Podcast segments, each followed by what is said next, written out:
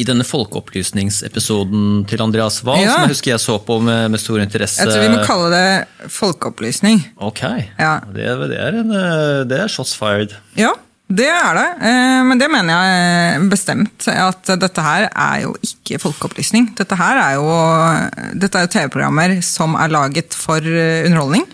Eh, Og som er bygget opp for å skape Altså bygget opp på en måte så- hvor det skal skapes forskjellige sånne situasjoner hvor Og da ble den personen satt til veggs, og der ble den personen satt til veggs. Det handler om å lage god TV. Det handler ikke om å få fram et nyansert budskap om Altså som presenterer folkeopplysning, da.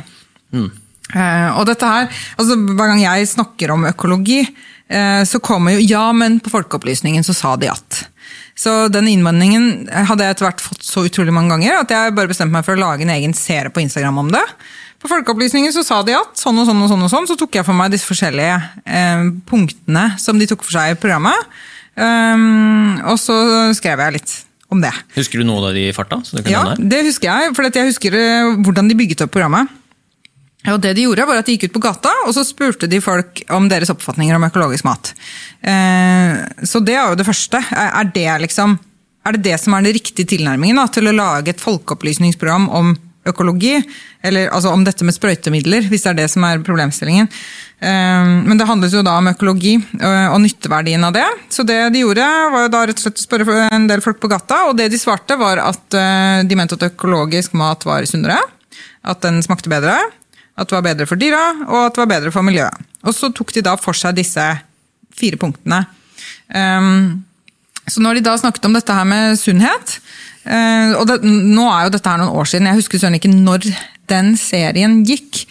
Kan det ha vært liksom 2016-ish, et eller annet sånt nå? Nå rundt den tiden der. Um, uh, 2016, ja. Ja. Men i hvert fall det de gjorde da, så begynte de med dette her med er økologisk mat sunnere. Um, og så tok de jo først for seg innholdet av næringsstoffer. For det er ikke noe særlig forskjell mellom næringsstoffer i økologisk og konvensjonell mat. Det ser ut som disse plantene de bygger seg opp på omtrent samme måte. Enten de er økologiske eller konvensjonelle. Så du finner liksom ikke, du finner ikke mer eh, vitamin C i paprikaen eller et eller annet sånt. Så da Eh, ok, så var det da ikke et eh, argument. Og det andre var jo da eh, disse sprøytemidlene. Er de farlige for oss, eller er det da bedre å spise økologisk mat? Og det de konkluderte med da, at det er ikke noen dokumentasjon på at økologisk mat er bedre for oss. Men det de egentlig burde sagt, det som faktisk var sannheten, var jo at vi mangler dokumentasjon på dette her i det hele tatt. Ikke sant? Det er ingen som har undersøkt helseeffektene av av økologisk mat versus konvensjonell mat. Vi mangler data på det. Så da, man kan jo hevde at det å, å si at økologisk mat vil være bedre for oss pga. at det ikke er sprøytemiddelrester, at det er en antakelse. Det kunne man jo påstått, ikke sant? Men det er jo like fullt en antakelse å si at disse giftene har ingen effekt på oss. Så den, der går jo begge veier. Så, så man har rett og slett ikke undersøkt det. Um, og, og dette her programmet det lente seg veldig tungt på en rapport fra Vitenskapskomiteen for mat og miljø fra 2014, som hadde oppsummert det vi visste om økologisk mat versus konvensjonell mat og sprøytemiddelrester da, og effekt av dem. Eh, og Datagrunnlaget for den går jo da enda lenger tilbake enn 2014. Det var veldig veldig lite studier, så vi hadde egentlig ikke noe godt grunnlag for å vurdere det i det hele tatt. Så det burde, eh, det burde vært konklusjonen. At her mangler vi data. Vi har ikke egentlig undersøkt dette her.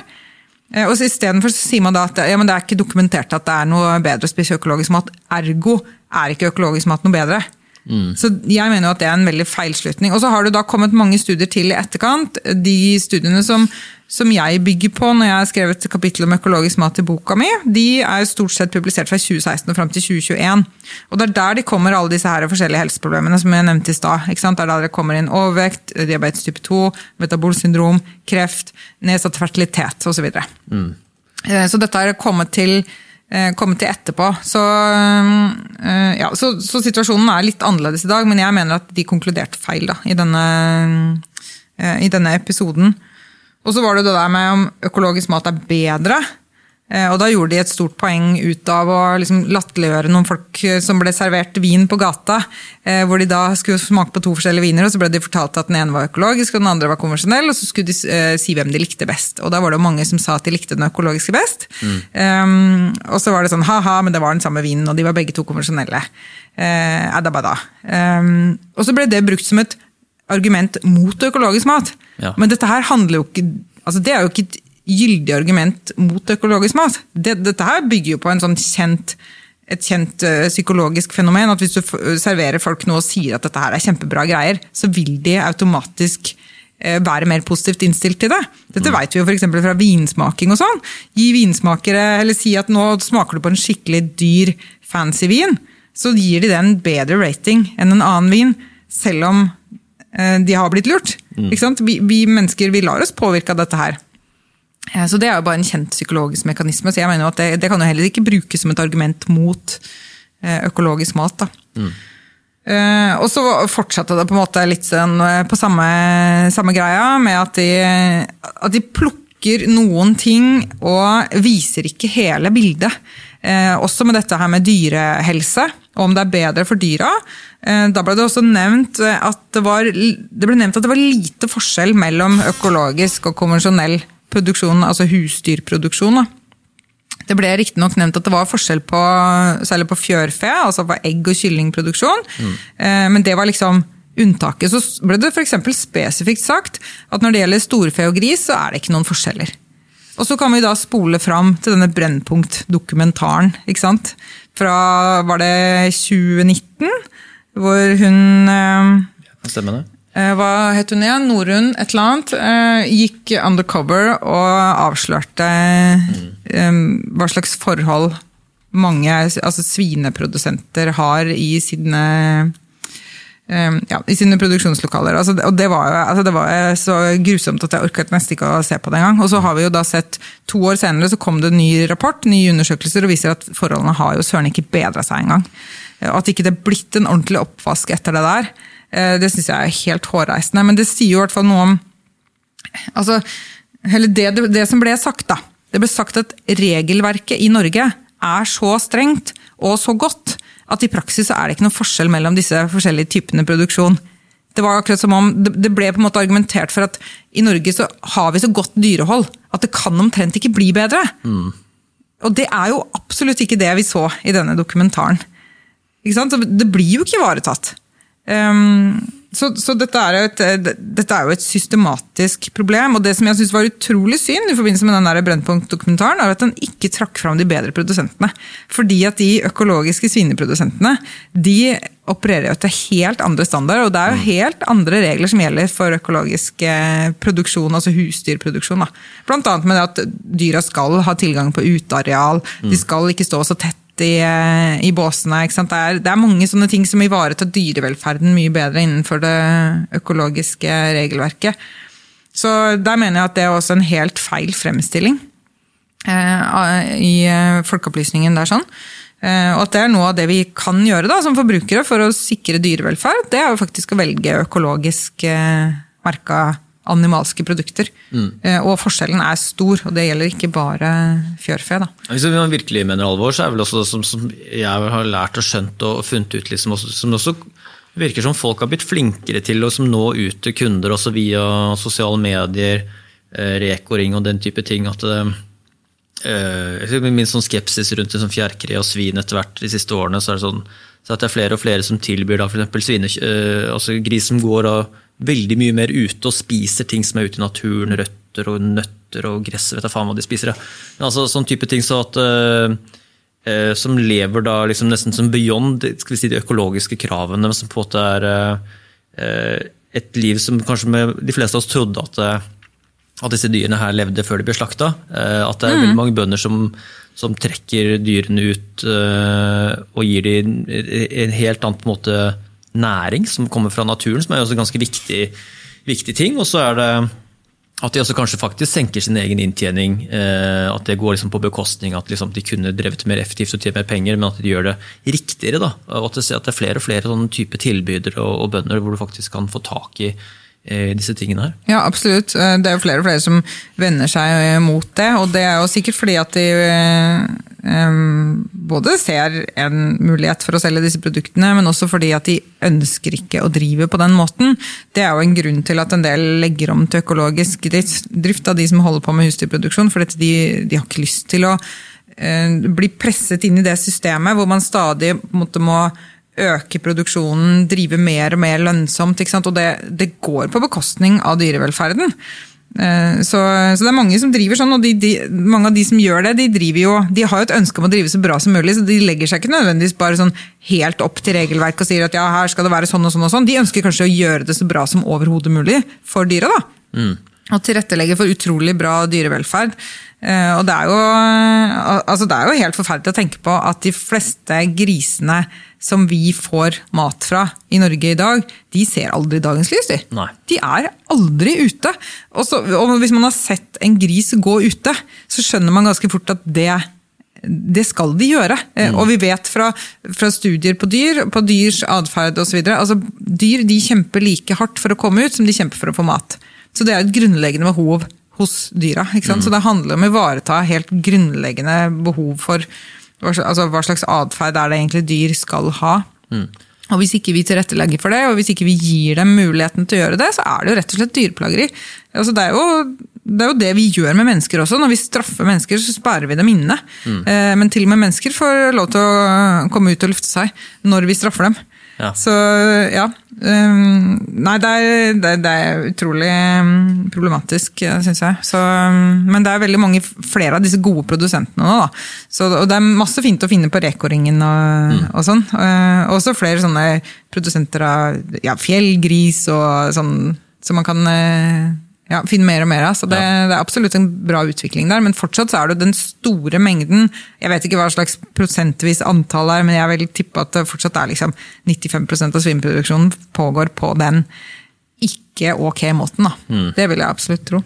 Et punkt vi ikke har eh, tatt, og der har ikke jeg gjort researchen min i det hele tatt, så, men vi, det er i hvert fall noe jeg mener jeg har fått med meg som, som er litt i det her økologiske debattene, jo litt tilbake til økologisk landbruk, at det er veldig lite arealeffektivt i forhold til det konvensjonelle landbruket. Eh, Stemmer det? Altså, hva, altså at du, hvis du skal drive økologisk, så driver du mindre effektivt, og det krever mer areale enn det konvensjonelle gjør?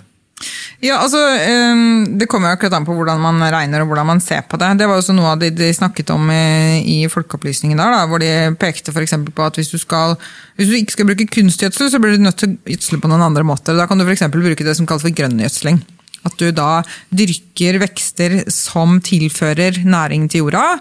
Eh, Det eneste de fokuserte på i den episoden, var jo da nitrogen. Så da må du ha nitrogenfikserende planter som det heter, som skal dyrkes på, et område. Og så må du da eh, reservere en fjerdedel av dyrkningsarealet ditt til å hele tiden drive på med det, og så bytter du på en måte rundt sånn at da kan du dyrke på det området igjen senere, for da vil du ha tilført eh, ny næring til den jorda. Så da sier man jo at ja, men da har du hele tiden da 25% av arealet ditt som du ikke kan dyrke på. Eh, Men det, der, det som ble presentert der, var jo ikke en sannhet i det hele tatt. For den grønngjødslinga er jo ikke den eneste måten man kan drive altså næringstilførsel til jorda på. Altså, vi kan jo bruke eh, husdyrgjødsel f.eks.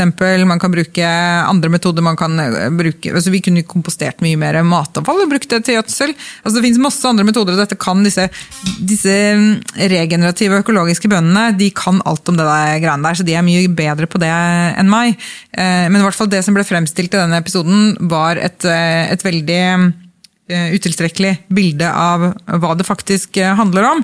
Eh, Og så er det jo sånn at hvis du da har drevet konvensjonelt i mange år, og så skal du legge om til økologisk, så vil du antageligvis få reduserte avlinger en stund. Ja, fordi at da har man jo eh, da har man jo utarmet jorda. ikke sant? Man har et veldig mye dårligere mikroliv i jorda. Eh, man kan få problemer med å få avlingen opp en stund. Men så begynner man å jobbe etter disse økologiske prinsippene. Og eh, regenererer jordhelsen og altså, jordas evne til å faktisk eh, produsere mat. Da. Så vil det etter hvert snu seg. Um, og eh, når man ser altså, de økologiske gårdene som har jobbet seg godt inn og fått disse systemene opp og gå igjen, og liksom fått økosystemene sine på rett kjøl igjen. Da, for det er jo det det egentlig handler om. ikke sant? Å gjenopprette et økosystem, et fungerende økosystem i, og et samspill med naturen, så har de ikke lavere avlinger. Og, men, og et annet argument der er jo også det at Ok, Vi kan bruke disse her, vi kan bruke kunstgjødsel og vi kan bruke sprøytemidler. og så får vi midlertidig litt høyere avlinger. Men problemet er at det er jo ikke bærekraftig på sikt. Fordi at vi ødelegger faktisk jorda vår. Vi ødelegger matjorda vår. Mm. Så øh, det er jo noen, det er noen, estimater, da, jeg vet ikke om disse er helt riktige, men det er noen som har estimert at vi har sånn, vi har noe sånn som 60 Er det så lite, da? 60 sykluser igjen med dyrkning sånn globalt. altså den, med den farta vi driver på med nå, da, den ja. utarmingen vi driver på med nå, så, så, har vi nesten ikke matjord igjen her. Hva skal vi leve av da, liksom? Altså, hva hjelper det nå om vi på en måte unaturlig, med unaturlige metoder tvinger fram en stor avling, hvis ikke våre barnebarn skal ha noe å dyrke i? Mm. Eh, da er vi jo like langt. Og så er det jo eh, det der argumentet med at vi har for lite mat, og at vi må, altså vi må dyrke mer mat, og alle må ha mer mat og sånn. Det er også absolutt en sannhet med modifikasjoner. For det, for det første så kaster vi jo store deler av den maten vi produserer. Mm. Og det er jo ikke bare, Vi kaster masse i hjemmene våre, men vi kaster jo hele produksjonsleddet. Helt fra, eh, fra bonden som på Costa Rica produserer bananer som ikke har helt riktig størrelse og form, mm. så ligger det gigantiske hauger med bananer der som rett og slett bare blir kasta. Ja. Eh, fordi at de, de, ikke passet akkurat inn i standardene. Og så kastes det masse bananer på vei i altså De råtner i transport, og, altså, og så eh, blir det liggende for lenge i dagligvarebutikken, og så kaster de dem, og så tar vi de hjem i husholdningen vår, og så kaster vi dem fanke meg der også. Mm. Fordi de har fått noen brune prikker på seg. Mm. Så her forsvinner det jo så mye mat på veien. ikke sant? Og her, Den øvelsen kan man jo gjøre med alle mulige forskjellige matvarer og se at det samme skjer jo over hele linja. Så, så, Det første vi må gjøre, er å begynne å få litt styr på sånne ting. Og så må vi begynne å spise mer av den maten vi kan produsere her hjemme på vårt eget ressursgrunnlag. Vi bør egentlig spise mindre bananer vi, og mer selvdyrka epler og pærer og bær og slike ting. Gitt at det er dyrka på en bra måte. da. Mm. Men altså, kanskje ikke vi skal lene oss så hardt på disse tropiske fruktene og disse matvarene som kommer langveisfra. Kanskje det egentlig burde være unntaket istedenfor dagligvarene våre. At vi må rett og slett, Hvis vi skal være bærekraftige, så må vi spise litt mer lokalt, rett og slett. Mm. Eh, så det er jo én ting. Og en annen ting er jo at vi, vi overkonsumerer like mye som det vi kaster i hjemmene våre. Altså fordi vi spiser for mye mat, da. Mm. Eh, så går det masse mat vekk der også. Så det er også en faktor som ingen snakker om at hvis vi hadde bare begynt å spise mat av bedre kvalitet, så hadde vi sluttet å overkonsumere så mye. Og da hadde vi også frigjort masse ressurser pga. det. Mm. Så jeg tenker at vi skal få styr på de tingene der før vi gnåler så mye om at vi ikke klarer å produsere nok mat til verden. Kroppspress og babypress blir for mye for meg, her, Marit. Herregud! ja, du overkonsumerer ikke, da. Nei, nei, nei, jeg overkonsumerer. Det, det går ikke an å overkonsumere de, de gode tingene i livet. Eh, som en god biff. Eh, H-melk og egg. Du blir drittlei hvis du spiser for mye av det. Ja, det stopper seg av seg selv. Det, så seg selv, det er den ultraprosesserte maten ikke sant? som vi snakket om sist. Det er ja. den man overkonsumerer på. Så det er det som gjør at, eh, at det rakner i hele, hele, matsystemet. Dette er jo veldig sånn, det er sånn systemiske problemstillinger. Mm. Store, vonde, vanskelige problemstillinger. Men vi er jo nødt til å vi er nødt til å tenke system ja. for å løse disse problemene.